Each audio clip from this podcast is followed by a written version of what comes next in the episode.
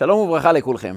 אחד הדברים שיכולים לשאוב מאיתנו את האנרגיה, את היציבות בחיים, את התחושה של הנינוחות, זה הפחד, החרדה, הדאגה מה יהיה. במיוחד כאשר אנחנו נמצאים בתקופות כל כך מאתגרות, בתקופות כאלו שאנחנו חשבנו לסמוך על כל מיני דברים יציבים בחיים שלנו, דברים שאמורים לספק לנו הגנה וביטחון, ופתאום הכל קורה סביבנו, פתאום מתחיל להיווצר בתוכנו גם סוג של פחד, של חרדה, של שאלה מה יהיה. והפחד יכול לתקוע בן אדם במקום, לשבש לנו את החיים. אדם לא יכול ללמוד, לא יכול להתקדם, לא יכול להשקיע בחינוך הילדים, לא יכול להשקיע בפיתוח קשרים עם אנשים אחרים. כל החיים נעצרים, והאדם נכנס לתוך בועה, לתוך שקיעה כזאת של מה יהיה איתנו. אני מאוד מפחד. איזה דברים רעים יכולים להתרחש אצלנו בחיים, ואנחנו מודעים לזה שזה לא טוב. השאלה איך מונעים את זה. איך אנחנו יכולים להשתחרר מהפחד. אנחנו חייבים להבדיל בין שני סוגי פחד. יש פחד שהוא חיובי. פחד בבסיסו זה גם בריאה שהקדוש ברוך הוא ברא בתוכנו לטובתנו. אדם כדי שידע להינצל מסכנות, כדי, כדי שידע להתרחק מדברים לא טובים, אז נברא בתוכנו על ידו של בורא עולם את המושג של פחד. פחד מונע ממני להתקרב לאש, כי אני מבין שזה יזיק לי. אני מתרחק מבור כדי שאני לא איפול. בבסיס זה נותן לי התנהלות נכונה כדי לא להיפגע. איפה זה מתחיל להיות בעיה? כאשר זה לא רק מדבר איתי על איך להתנהל נכון בחיים, אני מודע לסכנות ואז אני מתנהל בזהירות, בתבונה, אלא זה מתחיל להשתלט על עולם הנפש שבי, על המחשבות שלי, על הרגשות שלי. אז אני נהיה תקוע במקום ובעצם הפחד הוא לא כלי שאני משתמש בו כדי להתנהל נכון, אלא הוא הופך להיות האדון שמנהל אותי בחיים. והשאלה הגדולה היא, איך לפעמים אנחנו רואים שבאותה סיטואציה יש אנשים שמלאי ביטחון, מלאי עשייה, הם מודעים לסכנות ומתנהלים נכון ובזהירות בחיים, אבל זה לא משבש את עולם הנפש, את הרגשות, את ההתנהלות בחיים. הם ממשיכים להיות אנשים שפועלים מלאי ביטחון, מלאי שמחה, מלאי עשייה. ולעומת זאת יש אנשים שננעלים בתוך עצמם, נסגרים יותר ויותר ולא יכולים לפרוץ החוצה. מה ההבדל בין שני האנשים? מהי הנקודה שתגרום לנו להתנהל נכון ובזהירות בחיים, לנצל את הפחד בצורה מיטבית כדי שאני אתנהל בצורה מדויקת, אבל מצד השני שהפחד לא ישתלט עליי ולא ישאב אותי לתוכו. וכל זה נמצא בפרשת השבוע. פרשת השבוע, פרשת חיי שרה, מדברת על שני אירועים דרמטיים וגדולים בחייו של אברהם אבינו. הסיפור הראשון הוא סיפור עצוב, והסיפור השני הוא סיפור מאוד שמח. תחילת פרשת חיי שרה, ויבוא אברהם לספוד לשרה ולבכותה. אברהם אבינו חוזר מעקדת יצחק ומתבשר על מותה של שרה אימנו. כאב מאוד גדול. יצחק שבור לגמרי. המשפחה שרויה באבל מאוד כבד על האימא הראשונה של העם היהודי, שרה אימנו, שנפטרה במפתיע. הכאב הגדול הזה מביא את אברהם אבינו לרכוש את מערת המכפלה.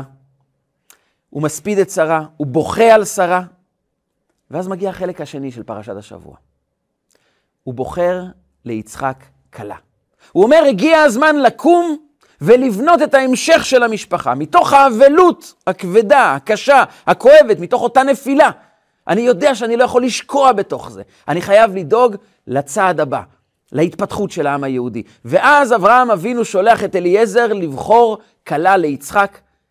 אליעזר בסייעתא דשמיא, בעזרת השם, מוצא את הכלה הנכונה, את רבקה, עבור יצחק, ויביאה אוהלה שרה עמו, ואז הוא מתנחם אחרי עמו. הבית היהודי הבא מתחיל להיבנות, ועם ישראל מתחיל להתפתח. אבל יש פסוק.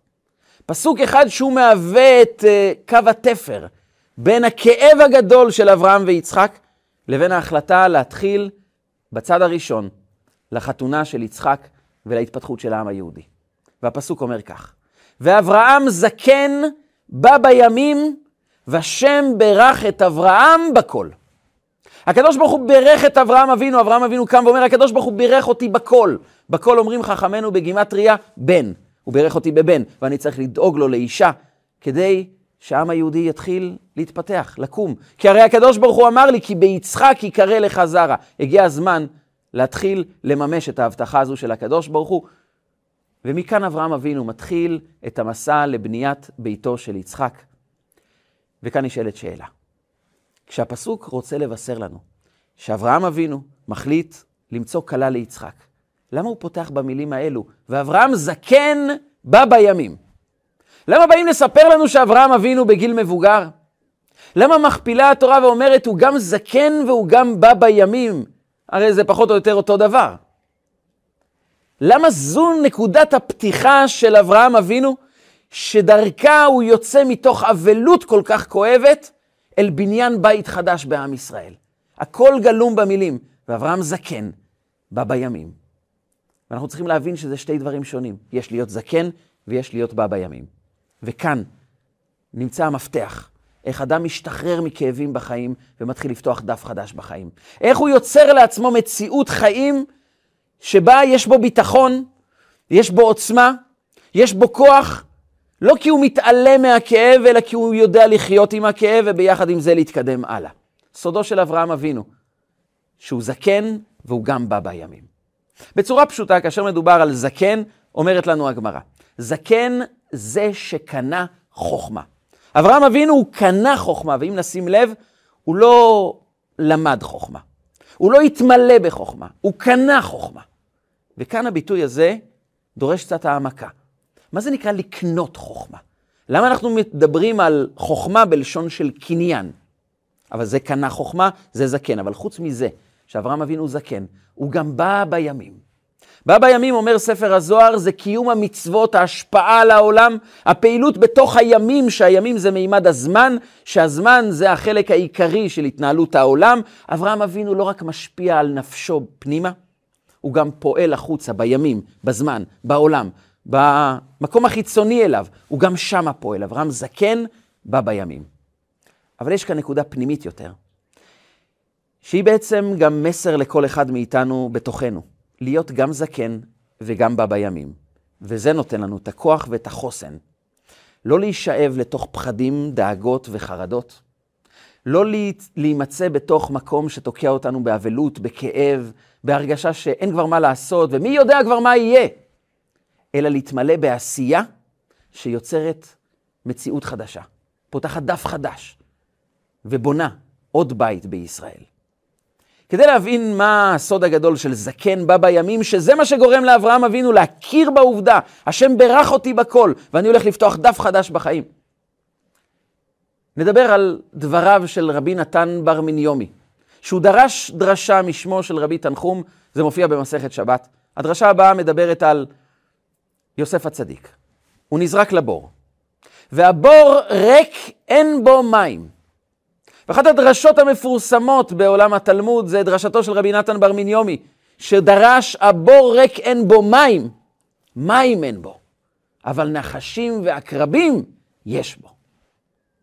רבי נתן בא ללמד אותנו שזה שהתורה אומרת לנו שבבור אין מים, היא לא רצתה רק לומר לנו שאין בו מים, היא רצתה לומר משהו עמוק יותר. אין בו מים, אבל יש בו נחשים ועקרבים, ולשם נזרק יוסף. ונשאלת השאלה, למה התורה לא אמרה לנו את זה? אם התורה הייתה רוצה לציין לנו שיש בבור נחשים ועקרבים, היא הייתה יכולה פשוט לומר את זה. לומר לנו, והבור מלא בנחשים ועקרבים. אבל היא לא אמרה את זה. התורה אמרה לנו רק שהבור ריק, אין בו מים. אז אולי אין בו מים, אבל מי אמר לך שיש בו נחשים ועקרבים? איך הגעת אתה למסקנה הזו? והתשובה המטלטלת של רבי נתן בר מניומי, זה הדבר הבא. אין מציאות ביניים בחיים שלנו. אתה לא יכול לומר, אני לא רוצה מים וגם אני לא רוצה נחשים ועקרבים. כשאתה חופר בור, אתה יכול לבחור האם הבור הזה ישמש אותך כדי למלא בו מים, כדי להיות בור שמחזיק פירות, כדי להיות בור שמחזיק דברים מסוימים שאתה רוצה לשמור עליהם, אבל אם לא תמלא אותו במים, הכוונה אם לא תמלא אותו בתוכן, אתה לא תוכל לומר, לא מילאתי אותו בתוכן, אבל מי הזמין את הנחשים והקרבים? מקום ריק מזמין נחשים ועקרבים. ולכן התורה מקפידה לא לומר לנו שיש בו נחשים ועקרבים, היא רק אומרת לנו דבר אחד, אין בו מים. מה כן יש בו? אתה אמור להבין לבד. שאם אין בו מים, אם המוח שלנו לא מלא בתכונות חיוביות, בהשקעה של לימוד, שמביא אותנו למקומות טובים יותר, ברגע שהמחשבה שלנו היא ריקנית, נחשים ועקרבים יצוצו שם. מדוע? כי ריקנות זו החלטה. כשאדם בוחר להיות ריקני, בוחר לא למלא את עצמו בתוכן, הוא בעצם מקבל החלטה. עכשיו מוזמנים לכאן כל הנחשים והעקרבים, והם באמת מגיעים. כי כל מקום ריקני מזמין אליו את כל היצורים שלא היינו רוצים שהם יהיו בחיים שלנו. זה נקרא עולם המחשבה. בחסידות נאמר שעולם המחשבה, הוא חייב להכיר בעובדה שהוא כלי שרת בידיו של המוח והלב, בשכל וברגשות. הוא אמור לשרת את השכל והרגשות שלנו. ברגע שמחשבה לא מכירה בעובדה, כלומר האדם לא הרגיל את עצמו, שהמחשבה שלו היא בעצם באה לשרת, זה לא דבר שאנחנו שולחים אותו בצורה אקראית לעולם, ופעם שומעים חדשות, שומעים מה אנשים מדברים, מסתכלים ימינה ושמאלה, וככה המחשבה שלנו פועלת. המחשבה שלנו זה כלי שאנחנו חייבים לגרום לה, להכיר בעובדה שהיא משרתת תוכן. אדם ביממה חושב 60 אלף מחשבות. על כמה מהם אנחנו שולטים? כמה מתוכם אנחנו בחרנו אותם? אם אני לא שולט על המחשבה, אומרת החסידות, המחשבה כאשר היא ריקנית, היא הופכת להיות פרועה לשמצה. היא הופכת להיות כלי שבמקום לשרת את הדברים הגדולים, את הדברים החשובים, את הערכים האמיתיים בחיים, את הקדושה ואת הטהרה, היא הופכת להיות מלאה בקנאה, בשנאה, בתחרות, בתככים, במזימות, במחשבות לא טובות, ומקום ריקני מזמין נחשים ועקרבים, ואז אדם פתאום מוצא את עצמו גם מלא במחשבות לא טובות. מחשבות של פחד, מחשבות של אימה, מחשבות שהוא אומר, אבל למה זה מגיע אליי? למה זה תופס אותי כל כך? למה זה משבש לי את כל החיים? אני רוצה שהמחשבה שלי תהיה עסוקה רק בהנאות, בשמחה, בטוב. למה נכנסים לעולם המחשבה שלי כל כך הרבה דברים לא טובים? אני רוצה לפנות את זה ממני. אבל זה יותר חזק מהאדם. כי אם אנחנו משאירים את המחשבה בלי עשייה, היא מתמלאת בדברים לא טובים. כך כותב הרמב"ם. הרמב"ם כותב על הלב, במובן של המחשבה, הוא אומר, אין מחשבת עריות מתגברת בליבו של האדם, כלומר, מחשבות רעות, פסולות וטמאות, לא מתגברים בדעתו של אדם, אלא בלב הפנוי מן החוכמה. זה הבור ריק אין בו מים. בור כאשר הוא לא מלא בתוכן, ממילא צצים בתוכו כל הנחשים והקרבים. ואדם אומר, אבל אני לא הזמנתי אותם. אבל לא צריך להזמין נחשים ועקרבים. הם מגיעים לבד. הם רק שואלים שאלה אחת. יש בך תוכן? המחשבה מלאה בתוכן, או שהיא לא מלאה? וכאשר אנחנו מבינים את הדבר הזה, אנחנו מבינים שאנחנו חייבים לפעול על עולם המחשבה שלנו, שירגיש שיש לו בעל הבית. מספרים על אחד מתלמידיו של המגיד הקדוש ממזריץ', קראו לו רבי זאב וולף מז'יטומיר. הוא היה צדיק גדול וחי בעיירה ז'יטומיר. יום אחד הגיע לבקר אצל המגיד הקדוש ממזריץ', חסיד, שבא ושפך את ליבו מול רבו, הרב המגיד, ואמר לו, רבי, אני כל הזמן מלא, מלא במחשבות זרות, מחשבות לא טובות. אני לא יודע מה, איך להשתחרר מהמחשבות הלא טובות שמעיקות עליי, מכבידות עליי, לא טובות עליי. איך אני משתחרר ממחשבות? הסתכל עליו הרב המגיד ממזריץ' במבט חודר, ואמר לו, אני לא יכול לעזור לך.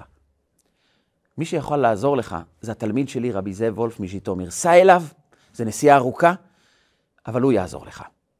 טוב, מה לא עושים כדי לשחרר את עולם המחשבה שלנו? והוא נסע, מסע כבד, מסע ארוך, חורף רוסי, שלגים, אבל הוא התאמץ והגיע עד לביתו של רבי זאב וולף. הוא דופק על הדלת, זה היה אמצע הלילה, קור אימים בחוץ, שלג, והוא רק מחכה לרגע שהיא תיפתח הדלת והוא ייכנס וישתה משהו חם. הוא כבר מדמיין לעצמו כבר את הרגע הזה שפותחים את הדלת והוא מתחמם בתוך הבית, אבל אין תשובה. הוא דופק חזק יותר על הדלת, ואף אחד לא עונה. הוא רואה מהחלון שיש אור דלוק, יש אנשים, הוא פונה לכיוון החלון ורואה את רבי זאב וולף יושב ולומד. הוא אומר, מה, הוא לא שמע? הוא דפק על החלון, דפק על הדלת, דפק בכל כוחו על הדלת ועל החלון, ולא הבין למה הוא לא פותח לי את הדלת.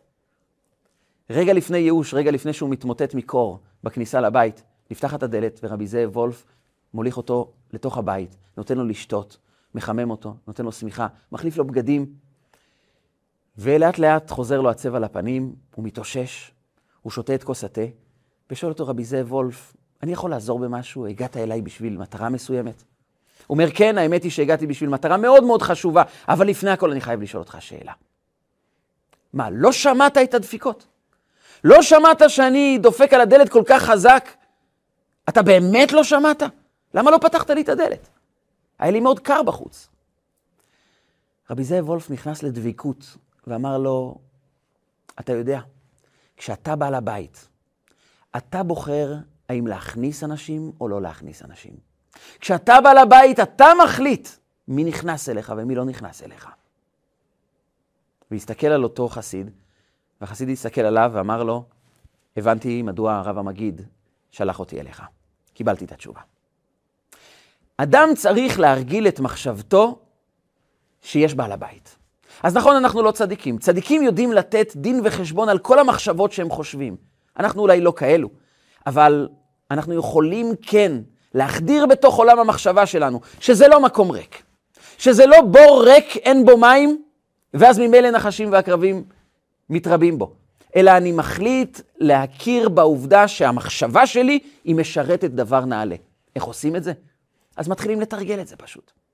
אם אנחנו רגילים שהמחשבה שלנו פונה ימינה ושמאלה, מקשיבה, מקשיבה לכל מיני שיחות בטלות, מקשיבה לחדשות חסרות תועלת, מתבוננת בדברים שאין בהם באמת מסר עמוק והתפתחות אישית חשובה, אין בהם מצווה ואין בהם קדושה, אז אני עוצר שלוש פעמים ביום ושואל את עצמי, בשלוש דקות הקרובות, בוקר, צהריים וערב, איך המחשבה שלי עכשיו תשרת דבר רוחני גבוה יותר? איך אני יכול לחשוב על החינוך של הילדים שלי? איך אני יכול לחשוב על דברי תורה? לקרוא איזה דבר תורה שיפתח את הנפש שלי, שיקרין למחשבה, את משרתת לימוד תורה. את משרתת עכשיו חשיבה איך אני יכול לעשות טוב יותר בקהילה סביבי, בבית אצלי. איך אני יכול לחשוב על אחד הילדים שלי, מה הוא זקוק, מה הטוב שאני יכול לתת לו. איזה חינוך אנחנו יכולים להשרות טוב יותר בתוך הבית שלנו.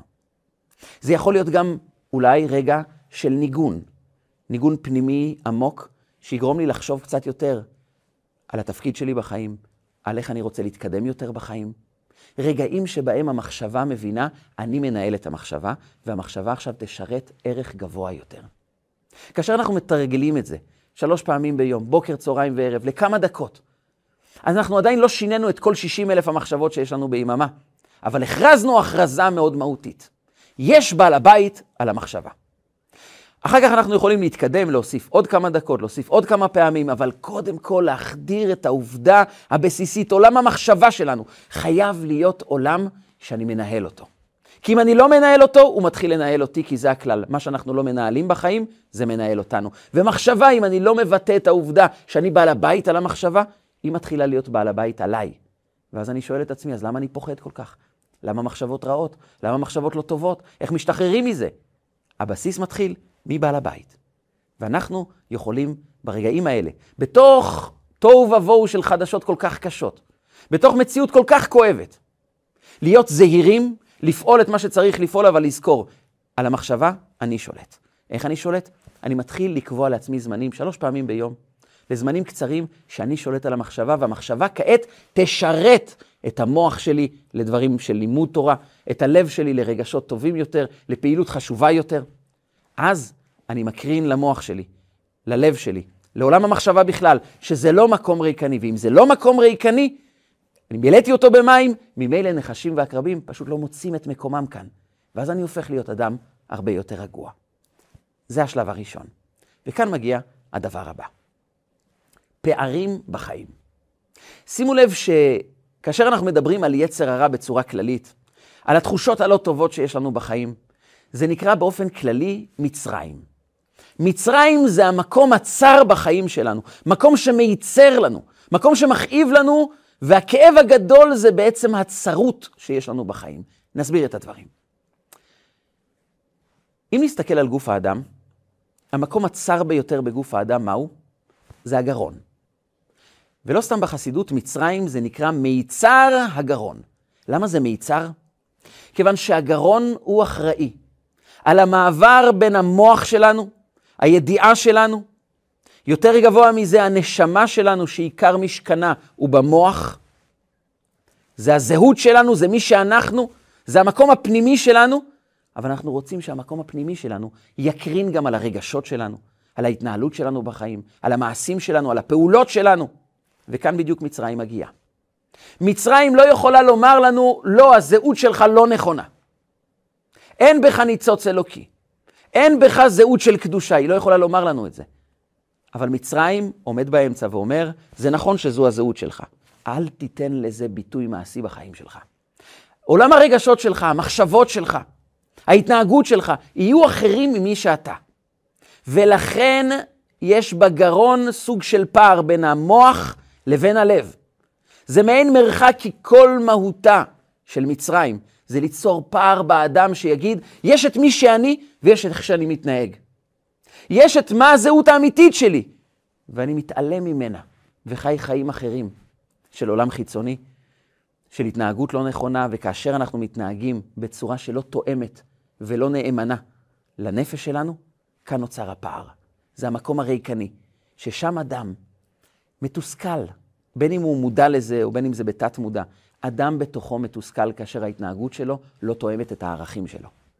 כאשר הנפש שלנו לא מתבטאת בתוך עולם המעשים שלנו, הרגשות שלנו, ההתנהלות שלנו בחיים לא מחוברת ולא מסונכרנת, לא נאמנה ולא תואמת את הנפש שלנו. זה סוג של פער בחיים, ולכן זו הסיבה שמלך מצרים לדורותיו תמיד ייקרא פרעה.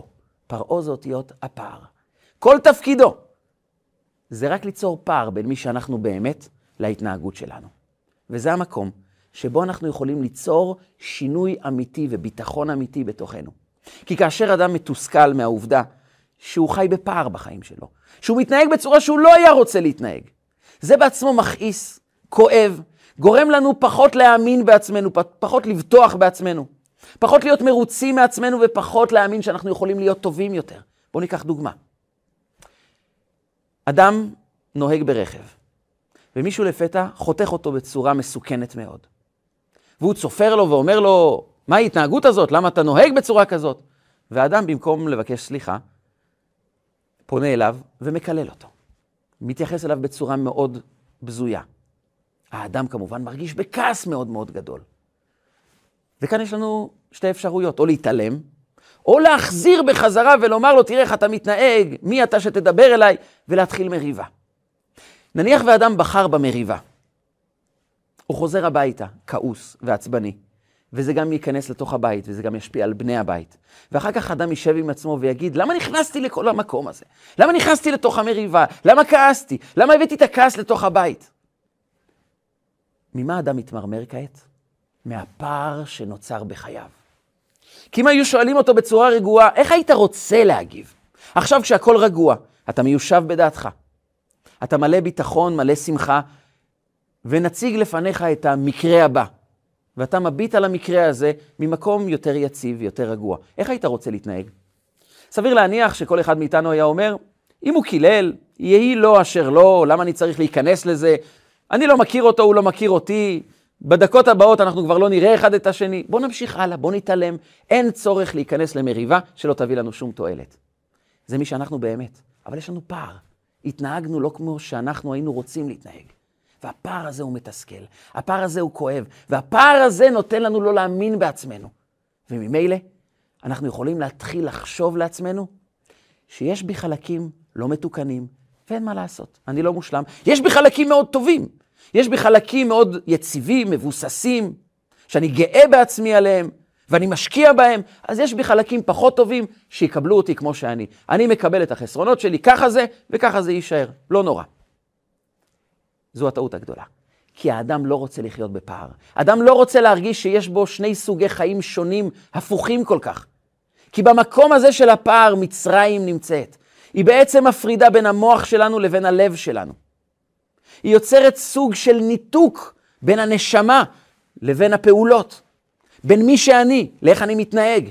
הפער הזה הוא פער כואב. והפער הזה גורם לנו גם לחוש לא טובים עם עצמנו. חוסר הרמוניה בחיים שלנו הוא לא טוב. והרמוניה זה שמי שאני, זה גם איך שאני מתנהג ואיך שאני חושב ואיך שאני מרגיש. ואנחנו חייבים לעבוד על כך שכל המערכות בחיים שלנו יהיו משולבים יחד. ולכן, עיקר העבודה שבשבילה נשלחנו כאן לעולם, זה העבודה עם הפערים שלנו. העבודה של יציאת מצרים. לא סתם אנחנו מזכירים כל הזמן זכר ליציאת מצרים. כשעושים קידוש וכשמניחים תפילין. כל התורה כולה מזכירה לנו כל הזמן למען תזכור את יום צאתך מארץ מצרים כל ימי חייך. ימי חייך. בימים. וכאן אנחנו חוזרים לאברהם זקן בא בימים. מסבירה החסידות שלכל אדם יש את התכונה של זקן. זקן זה שקנה חוכמה. הקנה חוכמה זה בעצם קניין בנפש. יש בנו את התכונות הטובות, את החוכמה, את הידע הנכון, שהוא כבר קנוי אצלנו. כל אדם יש לו מידות טובות שהן קנויות אצלו. יש אדם שהוא נדיב בטבעו, הוא גם עבד על זה, זה נהיה חלק ממנו, להיות נדיב, להיות אדם אוהב אחרים, להיות משקיע. אבל יכול להיות שיש לו קושי בעצלות, יש לו קושי עם תאוות, אדם אחר גאוותן ואדם אחר מקנא. לכל אדם יש את התכונות הטובות ואת התכונות הפחות טובות. זה ההבדל בין זקן לבבא ימים. זקן זה זה שקנה חוכמה. זה המידות הטובות שהוא כבר קנה אותן, הם חלק ממנו. ויש לו את הבבא ימים. הוא פתאום מביט על חייו ואומר, התכונה הזו היא תכונה של ימים. ימים הם כל הזמן משתנים. זמן בכלל הוא כל הזמן משתנה. וזה מרמז על התכונות בנפש, שהן כל הזמן משתנות. אני אף פעם לא יציב בהם. הייתי מאוד רוצה להיות טוב, הייתי רוצה להיות אדם חרוץ, אבל אני מצליח לשמור על זה יום-יומיים, ואחר כך אני שוב נופל בעצלות, או בגאווה, או בקנאה. ואני שואל את עצמי, מה אני עושה עם הפער הזה? אני לא מצליח לטפל בזה, אולי להזניח את זה. וכאן באה התורה ואומרת לנו, התפקיד האמיתי שבשבילו נשלחת כאן לעולם, זה יותר הבא בימים מאשר הזקן. הזקן זה כבר מה שקנית. הבא בימים זה המלחמה שלך עם הדברים שלא מסתדרים בחיים. עם הדברים שהם חומקים לך מבין הידיים. עם הדברים האלו שאתה אומר, זה כל הזמן משתנה אצלי. אבל כאן מגיע המסר הגדול. הדברים שקשים לך, הם שליחות חייך.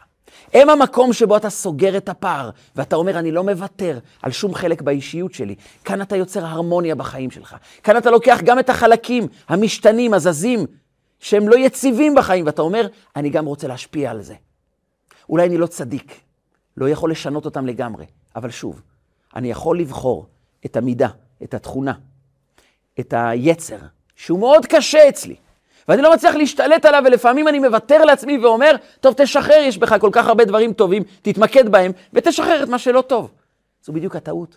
אנחנו לא יכולים לשחרר את זה, כי אנחנו לא מוכנים לוותר על עצמנו. אנחנו לא יכולים לחיות בפער, כי פער זה מצרים, והתשוקה האמיתית של כל אחד מאיתנו זה כבר לצאת מארץ מצרים. למען תזכור את יום צאתך מארץ מצרים כל ימי חייך. הימים, שם יוצאים ממצרים. במשתנים, בחלקים הלא יציבים, שם אני בא ומכריז. אני נלחם על זה. מתחיל בפעולות קטנות. שוב, בוקר, צהריים וערב. אני בוחר בוקר, ששם אני מתגבר על התכונה הזו. ועוד כמה דקות בצהריים, ששם אני יוצר התגברות. וגם בערב, התגברות קטנה על אם זה עצלות, אז אני בוחר פעולה שתדרוש ממני מאמץ קטן, בוקר, צהריים וערב. הפעולות האלו מרגילות אותנו לא להיות שקועים במקום שבו אנחנו נמצאים, אלא להתחיל לפעול, להתחיל לסגור פערים, להתחיל לומר, אין חלק שאני מפקיר, כי אם אני מפקיר חלק בחיים שלי, נכנסים הנחשים והעקרבים. הפער הזה מזמין את מצרים, את פרעה, שיאמר לי, אתה לא בסדר, אתה לא טוב, אי אפשר לסמוך עליך. ולכן ראוי גם שייכנסו דברים לא טובים לחייך. ואני מכריז, לא, אני שולט על החיים שלי. אני מתחיל בפעולות קטנות שמכריזות, הפער הזה, אני עוצר אותו, אני מתחיל להשתלט עליו, ואני מתחיל לפעול. אני מתחיל לעשות. על זה אמר הרבי פעם לרב לאו. זה היה אחרי מלחמת יום הכיפורים. הרבי שאל אותו, איך מרגישים היהודים בארץ הקודש? מה מצב רוחם? והוא אמר לרבי, רבי, כולם דואגים ומפוחדים ושואלים, מה יהיה? הרבי הסתכל עליו ואמר לו, יש לך הרבה השפעה על העם בישראל. אני רוצה שתאמר להם. עם ישראל עברו טרגדיות וקשיים נוראים במשך כל ההיסטוריה. אבל אף פעם הם לא שאלו מה יהיה. הם תמיד שאלו, מה נעשה? ההבדל בין מה יהיה למה נעשה, זה שמה יהיה, אני פסיבי, אני לא עושה, אני לא יוצר. אני נותן לעולם לנהל את עצמי. ולכן אני נשאב אחרי מה שקורה בעולם, וכל מה שנותר לי לומר זה רק מה יהיה. כלומר, מה העולם יביא לי? כי הוא מנהל אותי. אבל מה נעשה? זה להבין שזה בידיים שלנו. אני לעולם לא משאיר פערים פתוחים, אני לא משאיר מקום ריק, אני תמיד ממלא את הבור במים, אני תמיד את הפער הולך לסגור והולך לעבוד על החלקים שהם בא בימים, כי את הזקן יש לנו, אבל אנחנו גם פועלים על בא בימים. לפעול בתוך העולם, וכאשר אדם פועל, הוא נותן פחות לחלקים הפסיביים, הלא יצרניים בחיים שלנו לפעול, והחלקים האלו הם אלו שממשיכים לתוכנו, מביאים לתוכנו. הם אלו ששואבים את הפחדים, את הכעסים, את הדאגות, את החרדות, כי זה מקום ריקני. אבל ברגע שאני סוגר את המקום הריקני, ממלא אותו בתוכן של עשייה, אז אני יודע להיות זהיר, אני יודע לפעול בתבונה ובדעת כדי להגן על חיי, אבל במה אני עסוק? במה נעשה, במה נפעל. וכאשר אנחנו מתבוננים בזקן ובא בימים, נוכל להבין את סודו של אברהם אבינו. אברהם אבינו תמיד היה זקן בה בימים, הוא אף פעם לא נשאר במקום, הוא תמיד פעל ועשה. הוא מצד אחד עבד על התכונות הטובות, הקדושה האלוקית העצומה שהייתה בו, ותמיד הוא גם פעל בעולם, הוא לא השאיר פערים. הוא לא השאיר פערים לא בתוכו ולא בעולם מסביבו, הוא תמיד דאג לתקן, הוא תמיד דאג להביא בשורה של קדושה למקומות שבהם אדם היה אומר, אבל העולם הזה כל כך גרוע, כל כך מושחת, מה תביא לתוכו? אברהם אבינו שילב גם זקן וגם בא בימים. וכאשר משלבים את שני הדברים האלו, אנחנו בעצם מכירים בעובדה שאנחנו מנהלים את החיים. אנחנו יכולים לפעול בעולם. זו שליחות חיינו, לצאת ממצרים, לסגור פערים ולהתחיל למלא את הבור במים. היה יהודי אחד שסיפר לנו את הסיפור הזה, היינו קבוצה של תלמידים שלמדנו בבית מדרשו של הרבי, ונכנס אדם עסקן מאוד גדול, פעיל, איש חסד, והוא סיפר לנו את סיפור לימוד התורה שלו בישיבה. הוא אומר, הייתי בחור שלא אוהב ללמוד, לא מסוגל ללמוד, לא מסוגל לשבת. הייתי משתגע בישיבה.